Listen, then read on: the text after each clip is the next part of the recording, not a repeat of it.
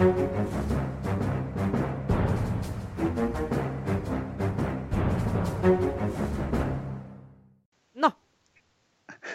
Sånn, ja, men Da ønsker vi velkommen til en ny utgave av Aftenpodden. Eh, Jeg er Lars Glomnes og sitter for anledningen i Barcelona. Men eh, som alltid så er det et par eh, faste krigere på tilbake i eh, studio. Trine Eilertsen, politisk redaktør, du er på plass. Ja, absolutt. Så fint. Og Sara Sørheim, kulturredaktør. Klarer dere oppdraget bra hjemme i Oslo om dagen? Eh, Ja, vi føler oss ganske kompetente.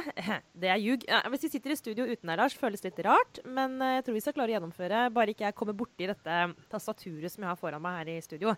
For vi er jo som en moderne redaksjon, helt sånn selvgående teknisk. Men det er egentlig du som pleier å fikse dette, Lars. Så nå får lytterne bare bære over med oss. Men vi har god tro. Vi setter i gang. Ja, ikke sant? Ja. Og vi skal eh, snakke litt om alternative statsbudsjett. Veldig, veldig spennende. Eh, og vi skal snakke litt om uh, Skipsstedet. Hva var det vi skulle gjennom? Vi skal gjennom Den har vært en slags krisetilstand i norsk eh, litteraturbransje eller bokverden. Ja. Eh, og etter det jeg forstår, jeg er jo litt langt unna, så drives nå statlige statistikkorganer på et eller annet slags eh, politisk eh, ja, oppdragsnivå. Altså, det er i hvert fall mye drama. Tenk Mye drama. at vi, Vi nå må snakke om det. Ja, vi, er, vi, må jo, altså, vi har nå opplever nå at noe så ufattelig tørt som en omorganisering i Statistisk sentralbyrå, dere. Har utvikla seg til å bli selve morkrangelen i norsk offentlighet. Den saken rommer alle konfliktlinjer eh, som til enhver tid liksom fins der ute i dette langstrakte landet vårt. Så vi kan jo velge, Trine, om vi skal begynne med det, eller uh, alternativt budsjett. To uh, fyrverkerier av en sak. Vi kan begynne med SSB, men jeg, må bare, jeg tror du må gjøre du må, altså, gjør rede for det, Lars. Du er i Barcelona, og vi må jo være ærlige og si at vi har ikke sendt deg ut for å gå i dybden på separatistkonflikten i. Catalonia. Jeg, nei, jeg har vært så heldig at eh, jeg har fått et sånn et stupstipend, heter det. Et, et slags fagforeningsstipend for å friske opp spansken min. Så da skal jeg være i, eh, i, eh, i Barcelona i tre uker. Jeg kan nevne at det er alle redaktører hater. Ja, ja. Hver, gang, hver gang vi tenker på at det går dårlig i mediebransjen, så tenker jeg på stupstipendet. Og så tenker jeg nei, det kan godt gå litt dårligere. For at, det- at folk reiser på språkkurs i tre uker i Syden, eh, kommer tilbake null mer kvalifisert for jobben sin. Men de har Det- fått lønn hele tiden. Altså, Dere er så smålige. Dere må tenke på Her utvider jeg horisonten min. Her sitter jeg og har fått meg en sånn liten leilighet da, med utsikt til uh, Sagrada Familia og ser, eh, og ser ut på, på byen og, skal i spansktimen rett etterpå. Ikke og, og holde på. øyeblikk i tvil om at du koser deg. Nei, men du skulle bare visst, Lars, på sånne Når ledergrupper i forskjellige aviser samles eh, Hvis vi trenger å liksom styrke samholdet i gruppa litt og ha en felles fiende, så bare begynner vi å snakke litt om eh, stupstipendet. Og vips, så er det skikkelig god stemning internt. Det er, så- det, Men det fine, det fine er at jeg også har reist til et nyhetsaktuelt sted. Det har du gjort. Så Sånn du er ute og sånn ser på faner eh, og flagg? Ja, ja. Ja, Foreløpig så opererer jeg på et sånn veldig sånn klassisk gammeldags korrespondentnivå. Der jeg, eh, der jeg bare snakker med drosjesjåfører, eh, folk på bar, går rundt i gatene og ser hvor mange flagg som henger fra de ulike terrassene. eh, og prøver å stotre meg gjennom noen avisartikler som jeg. muligens kan oversette og referere fra. Det må jeg faktisk si var et sånt, eh, for meg litt sånn uh, skjellsettende øyeblikk da jeg begynte å jobbe i NRK, veldig veldig ung, eh, og skjønte de som har sånn standup på Dagsrevyen fra diverse krigsherja områder rundt omkring i verden, eller andre nyhetssteder, de som står og forteller hva som skjer, de er de som vet minst om hva som skjer. Eh, særlig da jeg begynte å jobbe i pressen og det ikke var egentlig internettilgang. Så opplevde jeg at liksom, vaktsjef ringte til eh, reporter og fortalte hva vedkommende skulle si, og så sa hun det når hun var på lufta. Og det burde jeg kanskje skjønt, men eh, husker at jeg var helt sånn Hva? Er det virkelig sant? Eh, men litt mer informert enn som så er det jo, Lars. Du har jo snakka med, som du sier, eh, taxisjåfør eller to. Hvordan er stemningen? Ja, ja. liksom? Og det som, det som, for de som var bekymret da, for min sikkerhet eh, pga. drama i Catalonia og Barcelona om dagen, så kan jeg foreløpig berolige veldig om at det foregår veldig stille og, stille og pent her. Det er jo litt sånn i ventemodus etter, eh, etter eh, uavhengighetserklæringer og, og diverse politisk drama, og noen som har flykta og, og holdt på. Men i, eh, i det daglige livet så fortsetter, fortsetter folk å, å leve som vanlig. Ja, jeg skal avsløre at jeg var ikke bekymret for din sikkerhet, men Jeg var litt bekymra for om du kom deg til timene dine, eller om du ble sittende igjen på bar. Det må jeg innrømme. Men særlig utover det var det vel ikke. ja, vi er jo tross alt i Europa, det er en sivilisert del av verden. Ja, foreløpig så er det, er det ganske, så, ganske så avklart, da. Ja. Men eh, nei, så eh, det, vi skal egentlig ikke gå noe mer inn i dette. Dette kan eh, folk, som i gode gamle NRK-dagene, så kan folk lese seg til bedre kunnskap fra folk som har ordentlig peiling og, og har gått dypt inn i det. Jeg konsentrerer meg om, om gloser. Ja, Stort sett. hva, før vi går videre, har du lært deg Kan du snakke spansk nå, eller? Du Ja, nesten. jo fra før, da. Vi skal ikke ha noe prøve på dette her. Jeg vil gjerne, gjerne høre om, eh, om eh, Statistisk sentralbyrå, jeg. Ja, det vil vel du. Ja. Det tenker jeg. Du sitter der ute. Nå vel bråket når vel helt ned til Spania. Nei, men altså, dette er jo en, eh, en debatt som har galoppert av gårde siste halvannen uken. Eh, kort resymé. Forrige mandag fikk eh, en del av, eller i starten av forrige uke fikk en del ansatte i SSB beskjed om at de skulle flyttes fra forskningsavdelingen, statistikkavdelingen. Eh, Deriblant eh, Erling Holmøy, eh, såkalte innvandringsregnskapets far. Eh, som gikk eh, ut offensivt og fortalte hva han syntes om det. Og det har utløst en kjempedebatt, ikke bare om den eh, flyttingen av forskere fra en avdeling til en annen, men om hele SSB-organiseringen. Eh, så har eh, Facebook, Høyre, Frp og en god del ja, hva skal jeg si, miljøer eh, som er opptatt av innvandring, eh, de har lest dette inn i en eh, sammenheng der eh, SSB-sjef Kristine Meyers svært liberale og uttalte syn på innvandring eh, ligger bak at akkurat Erling Holmøy skal flyttes. Ja, at, hun, at hun har villet eh, kvitte seg med hele det innvandringsregnskapet, fordi det brukes ofte som et Ja. argument mot større innvandring. ikke sant? Ja. Og at, egentlig at, det, at dette er politisk, at hun ønsker å få det liksom bort fra SSB. Nettopp. Eh, eller eh, om ikke, om i hvert fall få Sånn blir det lest. Eller få svekket Eh, den eh, muligheten til å gjøre det. Ja. Og så er det en Også, annen diskusjon som pågår ved siden av den, som eh, alle økonomene engasjerer seg i. Det er liksom, og som egentlig går litt inn i denne uten at vi skal bli for teknisk, men det handler om modellbruken til SSB. Langsiktige fremskrivninger. Hvordan du bruker variabler for å fortelle om hvordan Norge vil se ut om 10 år, 15 år, 20 år, 30 år, 50 år. Eh, og er de modellene gode nok, og de, blir de testet nok ute i verden? Og eh, hvordan skal SSB jobbe med disse modellene? Det er en sånn fagdiskusjon der LO og NHO har engasjert seg veldig, for de mener at SSB mister sin rolle som viktig premissleverandør innen inntektspolitisk samarbeid, f.eks., hvis de endrer på noe av dette. Så den diskusjonen har jo gått der lenge. Eh, og liksom skal de drive med forskning, og hvis du skal drive med forskning, så må du holde på eh, med internasjonal fagfellevurdering, som det heter. Og så få andre forskere til å vurdere arbeidet ditt. Bør de gjøre mer av det, eller bør de ikke gjøre det i det hele tatt? Så det er utrolig mange diskusjoner som går her. Men den som har fått mest oppmerksomhet, er jo diskusjonen om en av nesten 900 ansatte, Erling Holmøy. Som blir flyttet fordi mot sin vilje fra vi, en snakket avdeling jo, vi, snakket, vi vurderte det litt sånn på, på kammerset før forrige ukes podkast. Eh, fordi vi hadde jo sett, Da hadde allerede folk begynt å fyre seg litt opp på Facebook. Og Minerva hadde vel skrevet en sak som, som ga gro, grobunn for å spekulere i hva, hva bakgrunnen for denne omplasseringen eh, besto i. Men, men, eh, men da var det jo litt sånn at dette sto på det sto egentlig på Holmøy og hans påstand om at, om at hans innvandringsregnskap var, var grunnlaget for denne flyttinga. Er det noe som har skjedd Ja, denne den uka som har fulgt, som har på en måte, underbygd det, eller står det fortsatt egentlig som en, en sånn personalkonflikt eller en, men det har jo blitt altså et, ytterligere et, et spørsmål mellom han og, og Meyer? Altså Det som jo skjedde før helgen, etter at vi hadde lagd forrige sending, var vel at uh, det begynte med at eh, han ble kalt inn Eller nei, Kristine Meyer ble kalt inn, kanskje ikke på teppet, men uh, var på et møte hos Siv Jensen, som vel da, åssen er det Trine, eier SSB som uh, Ja, altså finansminister. Finansdepartementet. Eh, men eh, ja, og minner om å gjøre rede for eh, hele omorganiseringen og, og bekymringene som ytret da, om at innvandringsforskningen eller analysen, eller hva du skal kalle det Mange vil kalle det analyser, ikke forskning. og det er nok riktig. om, om, ville, om det ville bli mindre av dette. og ja, Prøve å få et svar på det. Og hun skal på nytt møte med finansministeren på mandag. Så det viser jo at Siv Jensen har jo, noen vil påstå, veldig seint våknet og gått inn i denne saken, som da har vært en løpende diskusjon i over et år. Som nå da vi kan si at det er på det høyeste nivået Ja, og i når, Hun ble jo veldig interessert i dette først da det begynte å handle om innvandring. Eh, symptomatisk nok. Eh, men det er jo som sagt en mye større diskusjon. Men så eh, kom det jo en sak i VG i forgårs der eh, det kom frem at en rapport som Erling Holmøy hadde skrevet om kostnadene ved innvandring, som han var ferdig med i mai. Den ble først sluppet nå, og etter hans, han forklarer at det var fordi at han fikk så mye irrelevante, idiotiske innspill fra folk rundt seg og ledelsen i SSB. Eh, som han ikke altså, De forstyrret han i arbeidet. Ja, nærmest og trenerte. Var trenerte ja. rapporten. Ja. Sånn at den kunne komme først nå. Det var saken til VG, og den kom ut. og Da de ny, ble det satt ny fyr i debatten der ute. Kjetil Rollnes gikk ut og krever Kristine Meyers eh, avgang ja. uh, i sitt univers. Uh, og det ble veldig fyr. Og så snakket jo jeg og, og flere andre har jo snakket med mange til sammen i SSB.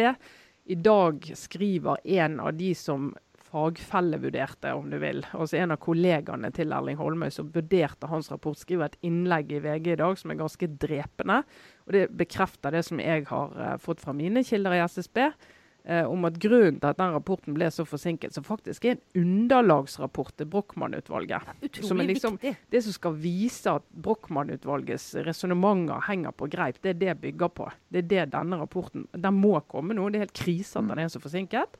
Eh, og han sier at nei, grunnen til at dette gikk så seint og tok så lang tid, det var det at Erling Holmøy han vil ikke ta innspill. Han vil ikke ta, eh, eh ta kritikk. Han nekter å justere noe som helst i sitt produkt. Så han sier at dette ligger hos han, og ikke hos oss som prøvde å, å fagfellevurdere han. Og det er jo en diskusjon som er sånn Er det innvandringsanalysene i seg sjøl som er problemet, eller er det kvaliteten på dem? Og det er en veldig, veldig viktig forskjell. Uh, jeg ser på at det er en, sånn, en eksplosiv miks av sånn korridorpolitikk i norsk akademia og innvandring. Det, det, da får du, ja, da får du ting satt på, eh, på, spissen. Altså. Ja, dette er jo en sak som neppe ville nådd offentlighetens søkelys omtrent, hvis det bare var en vanlig konflikt mellom en medarbeider og en ledelse, men fordi det er innvandring.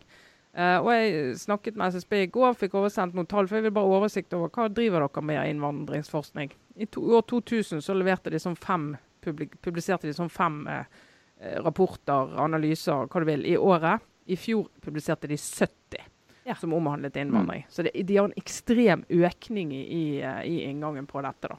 Men det er også men han, men jeg bare spørsmål, bare, han Holmøy, altså han har jo Han satt vel i han var i Brochmann-utvalget, eller tilknytta det. Han har jo fått, han har posisjoner, så det er jo litt vanskelig for, for ledelsen å si at han er en, bare en sånn vrang fyr som vil drive med sitt eget. For han har vel fått være med på en del ting som som gir litt tyngde i denne forskningen, eller har jeg Absolutt. Han er ekstremt viktig premissleverandør inn i, inn i Brochmann-utvalget, som politisk ledelse i Finansdepartementet sa at han skulle sitte i. Det var jo ikke SSB som sa jo, at han skulle sitte der. Han ble jo hentet inn av finans. Men politisk ledelse sa det. Så det har faktisk vært i den situasjonen når han sitter i utvalget, og når han ikke er i utvalget, så sitter han på kontoret sitt eller hvor han nå sitter på SSB og, og regner på underlaget fordi han sjøl sitter og snakker om i utvalget. Uh, og som en del kritikere mener, da, uten at, uh, uten at noen kan se han i kortene. Uh, som mm. jo er Det går an å stille spørsmål ved hvor riktig det er. Men altså, fordi Hadde det handlet om et hvilket som helst annet tema, så hadde det gått under radaren. Men fordi det er innvandring, så får du alle de. Liv Signe Navarsete, Jon Helgheim i Frp. Begge de har jo gått ut og egentlig eh, omfavnet denne troen på at omorganiseringen i SSB handler om at Kristine Meyer og ledelsen i SSB er uenig i en stram innvandringspolitikk, og derfor vil legge lokk på og vingeklippe forskere som kommer med innsikt som kan bidra til å argumentere til argumenter som går for en stram innvandringspolitikk. Og Dette, dette resonnementet er et bitte lite knepp unna eh, reinspikka konspirasjonsteori, høres det ut som. Altså jeg mener hvis, hvis noen kan belegge at det er sånn, eh, som ingen har gjort ennå, eh, så må jo ledelsen i SSB få sparken straks. Eh, men mm mitt inntrykk etter å ha snakket med kilder i SSB og på andre universiteter i Norge, jeg har snakket med folk både i Bergen og i Stavanger og andre steder, eh, er at dette handler om kvalitet på innvandringsanalysene, ikke på at de gjøres. Og det er to helt forskjellige diskusjoner. Så har du jo, Jeg nevnte innledningsvis at det er en sånn konflikt som, uh, som er sånn, favner alt. Fordi um, den er uhyre politisert pga. innvandringsspørsmålet. Men så har du jo sånn bakenforliggende også, Trine, dette her med, som jeg nå har lært meg de siste dagene, dette med uh, eh, SSB som tradisjonelt har bestått av økonomer fra liksom, i jerntriangelet. Uh, Universitetet i Oslo, Finansdepartementet og hva er den tredje liksom, rekrutterings... Nei, Nei, altså, alle SSB. disse kommer jo fra Blindern. Ja. Og det er, altså, SSB, triangelet er selvfølgelig SSB, UiO og finans. Ja. Der sitter samfunnsøkonomene. Og så har du hatt NHH i Bergen, som har vært et annet miljø. Og des, disse to økonomiske miljøene i Norge har liksom fighta litt om uh, hvem som på en måte er den, det ledende miljøet. Uh, men så kommer da Kristine Meyer, som er fra NHH, inn i SSB. Uh, og skaper da, bare i kraft av å representere liksom the other half, eh, også masse sånn greier som egentlig bare handler om bare gåseøyne, sånn gammel hva skal vi kalle det for noe, profesjonskonflikt eller en Ja, slags det, sånn det er en profesjonskamp mellom eh, Blindern-økonomene og, og de som eh, oppholder seg andre steder. Det er, ikke, det, er, det er det ingen tvil om. Den er der. Jeg forteller fortelle en morsom historie. Jeg var jo, eh, da jeg var akkurat ferdig å studere, så søkte jeg på alle mulige jobber, bl.a. en eh, førstekonsulentstilling i Finansdepartementet. Og jeg er jo siviløkonom fra Handelshøyskolen og statsviter. Ja. Eh, og jeg vet ikke, jeg hadde kanskje fått beskjed om at vi må få inn folk med litt annen bakgrunn enn bare vestlendinger. Og vi må, ha, eh, vi må ha gjerne kanskje til og med vi må ha flere kvinner, hva vet jeg. Men jeg ble nå kalt inn på intervju, og det var et veldig bisarro intervju. For de gikk rett inn i å, å, spørre meg ut om alle disse modellene som Blindern-økonomene både er veldig respektert for og veldig kjent for, men så de nok visste at det var ikke min kjernekompetanse. Så de gikk veldig trått på det intervjuet. Egentlig verre og verre. Eh, Så vi var, De var tre på andre siden av bordet, og så var det meg. Og så var det helt sånn lenge stille helt på slutten av intervjuet. Nei, Og, vi- dårlig tegn. og, så, og så, plutselig- så sier hun denne som intervjuet meg, og så sier hun Ja, mm, har du noen hobbies? og så tenkte jeg da må jo vi må jo Av hensyn til alle må vi få avslutte dette. Så jeg bare sa eh, nei. og så gikk jeg ut i verden og hørte faktisk ingenting fra dem noen gang igjen. Det kan jo sikkert alle være glad for. Men da tenkte jeg OK, ja, nå skjønner jeg hva det her eh, Blindern-komplekset er for noe. Og det er klart, altså blir det Blindern, Sosialøkonomen på Blindern har lagt premissene så sterkt for politikkutvikling, for samfunnsutvikling i Norge. De har en enorm makt. Og de som utfordrer de, det, det er ikke overdrivet å si at en del av disse sosialøkonomene svarer på utfordringene med at eh, de som spør, er enten idioter eller ignoranter eller begge deler. Det er det sosialøkonomer, det er ikke samfunnsøkonomer. Ja, det er det samme. Det er det samme, ja. Tusen takk. For da er jeg alltid livredd for å si noe feil. Ok, men da sa jeg det riktig. Jeg skulle, jeg skulle til å si vi- Sara, at, at vi, vi vi til sosial- score bra på sånn elitepodkast-temas i dag. Jo, Det er men bra- eh, ja, bra det er ikke mye ja, men, men poenget er i hvert fall at eh, Men det som er interessant med denne debatten nå, det er jo at den er, den er veldig politisert. Eh, kravene om eh, Meyers avgang er kommet. Eh, og en jeg snakket med hin dagen, eh, som sitter og ser på dette ganske tett, sa de at det er ikke sikkert Meyer overlever dette. Altså Hadde det vært en finansminister fra et annet parti enn Frp, så mener han at det ville hun ha overlevd helt uten videre. fordi at det saklig sett er ingen grunn til, eh, der vi er nå, at hun skal gå av. Men som jeg sa, Siv Jensen må ta andre hensyn. Hun har et bakland som forventer at hun eh, reagerer hvis debatten om selv disse innvandringsanalysene blir for, eh, blir for tøff.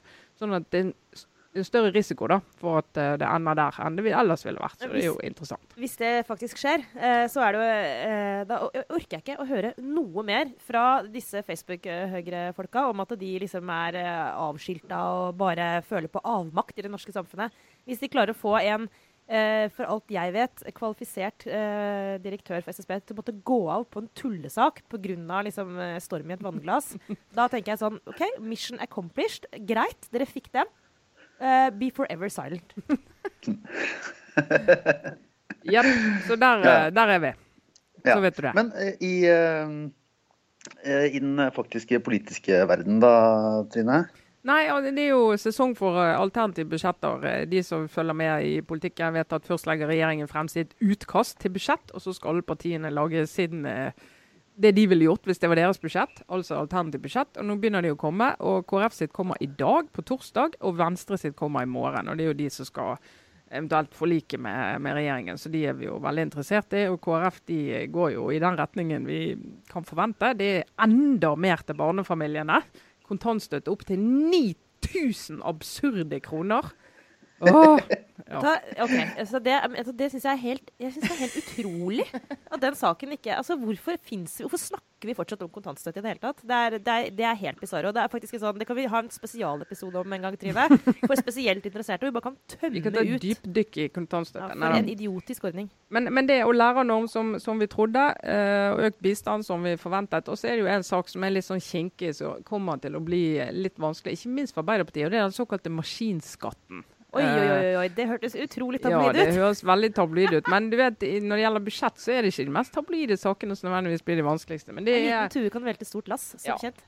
Altså for en del eh, bedrifter er nødt til å betale eiendomsskatt av verdien på utstyret de har inni den bygningen der de driver med å lage eh, hva vet jeg, ventiler, rør, suppe, whatever. Ja. Det må de, eh, mens andre ikke må det. Og så er det veldig forskjell mellom kommunene, hvordan de praktiserer dette. her. Så det er en del av eiendomsskattegrunnlaget, da, om du vil. Eh, og regjeringen, NHO, eh, deler av LO har lyst til å fjerne denne. Zero veldig opptatt av å fjerne denne, fordi de mener den står i veien for å bygge opp nytt og grønt næringsliv. Sånn at det er sterke krefter som ikke vil ha det. Og så er det en del ordførere, særlig en del sånne rike kommuner som eh, tjener godt på eiendomsskatt, som kjemper eh, for denne skatten. Selv Særlig KrF-ordføreren i Lindås. Eh, Og KrF går nå imot å kutte den skatten. Okay, men det men men det noe... som er det Arbeiderpartiet har før vært litt sånn Ja, kanskje det er en god idé å kutte den skatten, men nå vil de ikke det likevel. Og da kommer de til å få Og jeg vet at Høyre har bare ventet på at Arbeiderpartiet skulle si det, for da skal de vise frem at Jonas Gahr Støre har jo tidligere sagt at Så det er en ny sånn eh, eh, Ja, sorry, ja. vri, vende, Men, sånn. Det- men bare, det er jo litt, bare- litt teknisk, men hva er forskjellen på denne maskinskatten, som er en del av eiendomsskatten, og arbeidende kapital i formuesskatten? For det har jo vært på sånne maskiner og ting som står inni ja, inni bedriften, og, Ja, type og som ifølge da, de som mener at det går an å lage skille, så, så skal du ikke betale Er det ikke Skal nå akkurat trappe ned Nei. eh, skatten på, på arbeidende kapital, da, på maskinen Ja. din eller på Ja. fisken din eller hva du nå lager. da. Ja. Altså for, eh, kan det var egentlig Senterpartiet som begynte med å bli opptatt av arbeidende kapital. For de var oppgitt over at bøndene måtte betale skatt for utstyret på gården. Fordi at det ble regnet inn i formuen eh, for virksomheten. Eh, men altså, denne arbeidende kapital i formuesvirksomheter har de jo litt samme regler i hele landet. Eh, Men det som er litt utfordringen med denne maskinskatten, det er at kommunene praktiserer det så ulikt. Og de klarer ikke helt å skille mellom. altså Det var typisk en sånn sak som eh, bryggeriet til Ringnes. Der var det en sak der de vurderte øltapperiet og brustapperiet. Og Den ene ble ilagt sk- maskinskatt, mens det andre ble ikke ilagt maskinskatt. Og Det handlet om graden av integrasjon i selve bygningsmassen. Eh, og som en del næringslivet sier, dette gjør det komplett uforutsigbart for oss. Vi vet ikke om vår virksomhet faller inn under den skatten, og i hvilken kommune han gjør det. Sånn at det er veldig vanskelig for oss å vite hvor, hvordan, om vi skal etablere oss, eller hvor vi skal etablere oss, for vi vet ikke hva kostnadsbildet blir. Så det er liksom en veldig viktig kritikk mot den skatten. da. Utrolig komplisert materie. Det du prøver å si nå, er det egentlig at uh, maskinskatten Vi må bare venne oss til at det er den nye biodiesel, eller et annet sånt ord som Nei. plutselig kommer Ja, inn i budsjettet. Maskinskatt kommer plutselig inn i uh, og det, For å si kjernen, det er at de kommunene som uh, får beholde skatten, de kan tape, mener de sjøl, KS sier 1,2 milliarder kroner. Eh, distriktspartiet KrF vil ikke det. Eh, og eh, regjeringen estimerer at det vil, eh, det vil koste 800 millioner kroner. Så det er liksom forskjell. Men de vil liksom en, en slags skattelette der, da. Ja.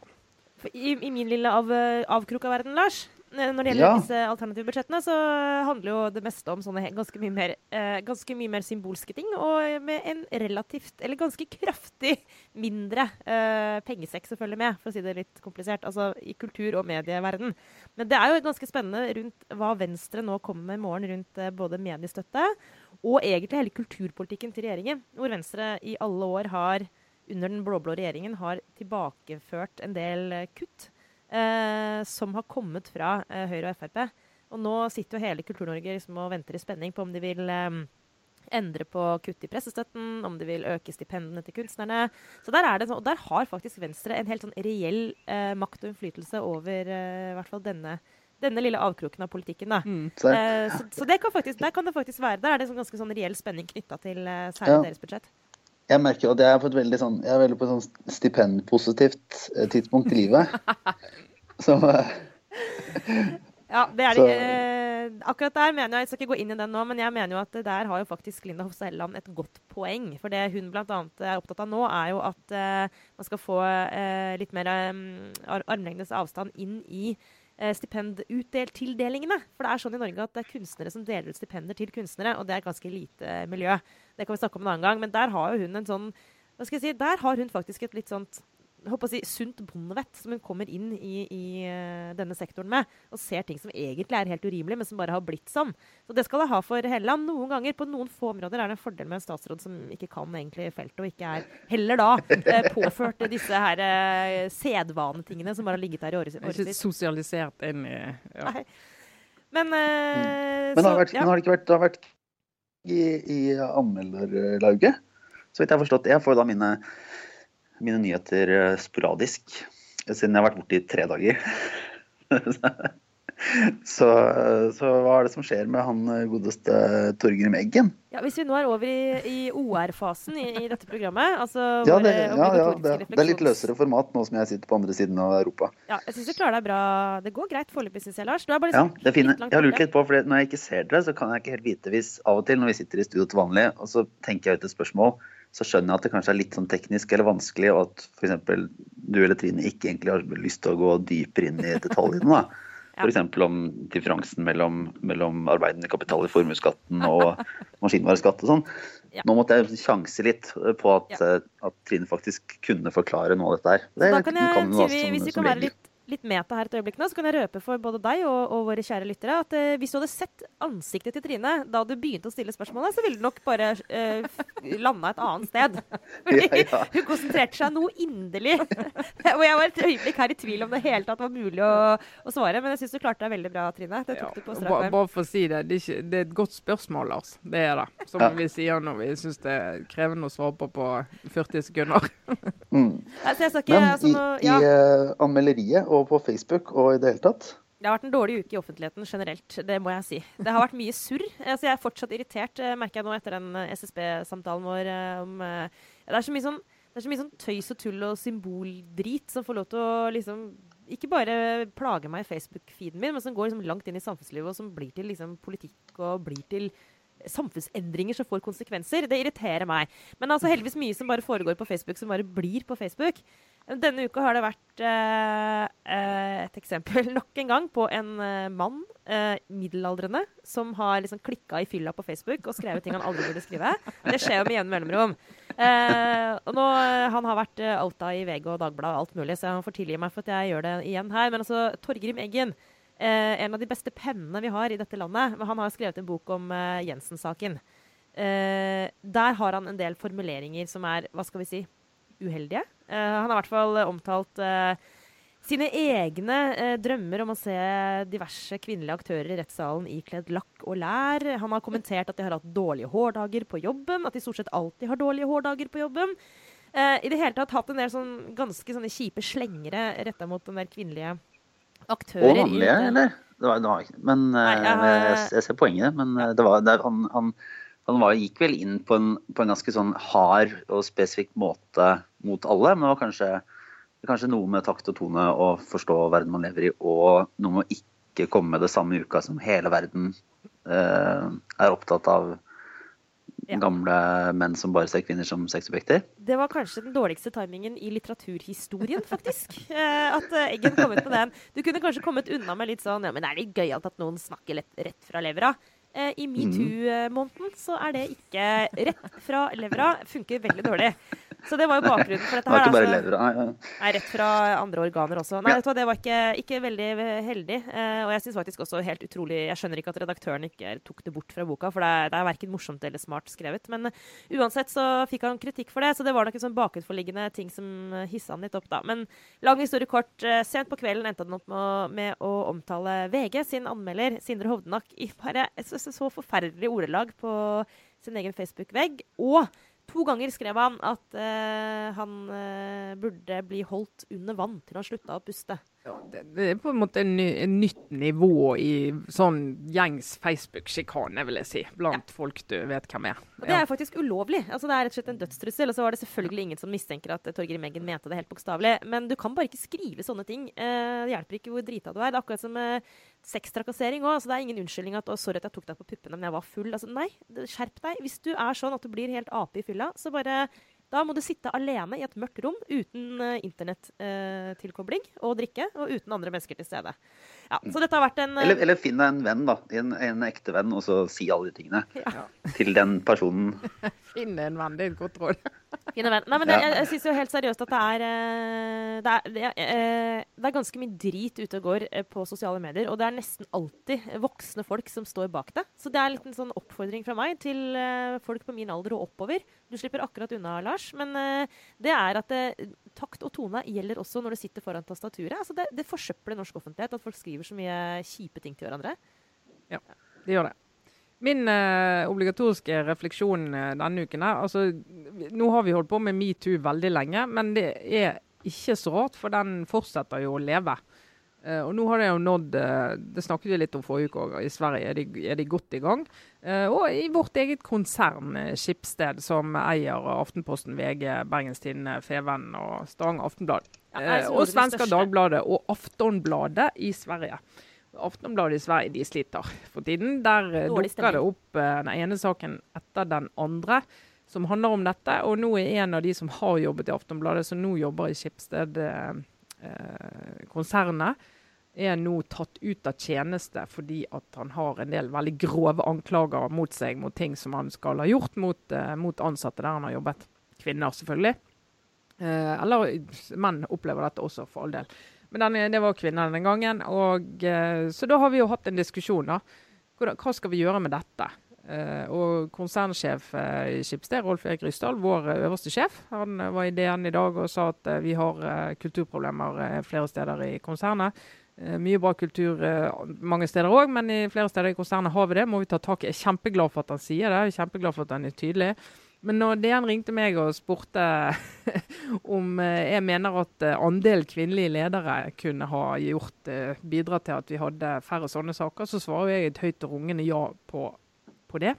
Ja, for da, da kan vi jo bare skyte inn at i, i, altså i Skipsted, i toppledelsen og i de to ledergruppene som nå er oppretta i Skipsted, som skal styre henholdsvis mediebiten og den rubrik, eh, på godt norsk, classified-biten. Ja. Eh, I de nye ledergruppene der så er det veldig mange menn. Jeg tror det var sånn en telte opp at det er 27 medlemmer av de tre ledergruppene, og så er det sju kvinner av de. Ja, og Det er altfor dårlig. og Der det aller dårligst er i medieledergruppen, som jo er for det første enormt svær, altså toppledelsen i mediedivisjonen, og forstemmende få kvinner. Eh, og jeg mener jo at det hadde sett annerledes ut hvis eh, vårt eget konsern hadde hatt en ordentlig prosess, hadde kartlagt eh, konsernet for å finne talent, for å finne potensielle kandidater, hadde kjørt ordentlige runder. Men som ofte i sånne prosesser så blir det vi har så dårlig tid, vi må sette i gang, vi må få opp farten, så vi får bare ta de vi, de vi vet. Og de vi vet, de er jo som regel eh, kjenninger og, og menn da i Schibsted-systemet. Så vi har en eh, litt sånn klassisk eh, hva skal jeg si, en intern eh, krangel, om du vil, som kommer ut i offentligheten eh, over DN, eh, to sider av DN i dag, der eh, jeg og Rolf Erik Ryssdal og snakker om dette. Og Jeg har jo også sagt dette direkte til Rolf Erik Ryssdal før, så det er jo ikke det at jeg går til DN og sier noe jeg ikke har sagt til han, så han vet jo at jeg mener det. Ja, og ikke bare du, Trine. Han vet utmerket godt at det er mange eh, i Schibsted, og det er ganske mange markerte kvinnelige ledere i eh, medie, de, eller de ulike mediehusene her, som har vært veldig tydelige lenge nå på at eh, denne her skjevfordelingen For det første så er det liksom, det virker veldig konservativt og gammeldags og virker som et sånt selskap som liksom ikke henger helt med i tiden. Når du har unnskyld, litt nedlatende uttrykket, men når liksom hele ledelsen bare er full av suits, som er sånn hvite menn i 50-åra, det ser ikke bra ut. Men det er ikke det viktigste. Poenget er at det skaper også eh, en kultur. Eh, Ja. Eller det vil si mangel på en kultur hvor eh, flere typer folk føler seg liksom eh, Hva skal ja, vi si? bevissthet, Invitert inn. Altså Du må ha et større mangfold i ledelsen på alle nivåer for at eh, flere typer hva skal jeg si, utfordringer i arbeidsmiljøet da, og problemer kommer opp, og at folk tør å si ifra. Og det Hvis du har en toppledelse som er fullstendig mannsdominert, så er det vanskeligere å komme og fortelle de om kanskje altså om episoder på jobben som ikke er så lett å kategorisere. Er det trakassering? Er det mislykket sjekking? Hva er det for noe? Hvordan skal vi ha det? Hva kjøreregler skal vi ha for den type ting på jobben? Eh, Det er vanskeligere å gjøre det enn hvis du har da kvinner som du tenker kanskje kan identifiseres litt med den situasjonen, som har flagget tydelig at de er opptatt av det. Uh, og det Vi er fremdeles ikke kommet lenger enn at det høres mer troverdig ut når, når kvinner snakker om det enn når menn snakker om det. Men skal si et godt unntak, og det er faktisk vår egen uh, sjefredaktør Espen Egil som er genuint opptatt av det. Virkelig brenner for, uh, eller brenner mot akkurat dette. da. Mm. Det var, som den oppmerksomme lytter vet, sånn at jeg var på kurs i San Francisco for et par uker siden. og Der lærte jeg et ord som er nyttig, og det er network bias. Mm. hva skal vi oversette den på norsk? Altså, det som skjer når du ikke engang tenker over det sjøl, men at du rekrutterer og leter etter folk i ditt eget nettverk, så vil det komme, komme, en sånn skjevhet inn i organisasjonen. Og det er veldig vanskelig å se selv at man gjør det, fordi vi ser som kjent ikke oss selv utenfra. Derfor er det viktig å ha liksom, regler og rutiner og prosesser for å sørge for, når du ansetter noen, har jeg egentlig lett aktivt utenfor de folka jeg veit om. For de folka jeg veit om, de ligner ofte på meg sjøl. Mm. Og det tror jeg eh, Der kunne vi i dette konsernet helt sikkert hatt liksom, bedre rutiner for å sørge for at man eh, henter folk fra ulike steder. da. F.eks. Catalonia, eller hva, Lars? ja. Folk med en tung Catalonia-kompetanse. Men Lars, hva tenker du? Jeg og Trine, dette her er sånn jeg kjenner liksom, kan, her, her, er vi nok veldig aligned, på godt mm. norsk. Eh, og jeg, jeg, for meg er dette her liksom, dette har vært med meg hele veien. Jeg har vært feminist siden jeg, kunne, siden jeg kom ut av mors liv. Uh, og dette er spørsmål som jeg som har tenkt masse på. Åssen høres det ut for deg, Lars? Følger du tankerekka vår? Ja, ja, absolutt. Absolutt.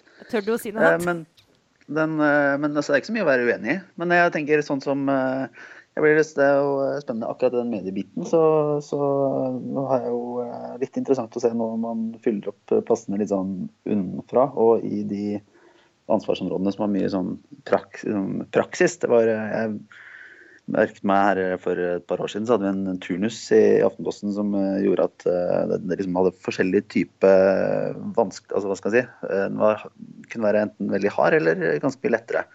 Og blant de da som gikk den hardeste turnusen med flest vakter og satt mest på desken og styrte forskjellige ting. Og det var da tror jeg det var, var gruppe 24. Da var 20 var menn og 4 var kvinner. Og det kan jo si at menn måtte bære den tyngste børa av å være der, men de fikk også gjøre alt det som uh, Innblikk i alle prosessene og alle valgene som tas, og være i desken, ikke sitte på avdelingen og bare skrive saker. Og da er det lettere å stige opp i systemene og få roller. og det ender opp på sånn som at det kanskje var jeg som ble en av de fire nyhetssjefene, og ikke en annen.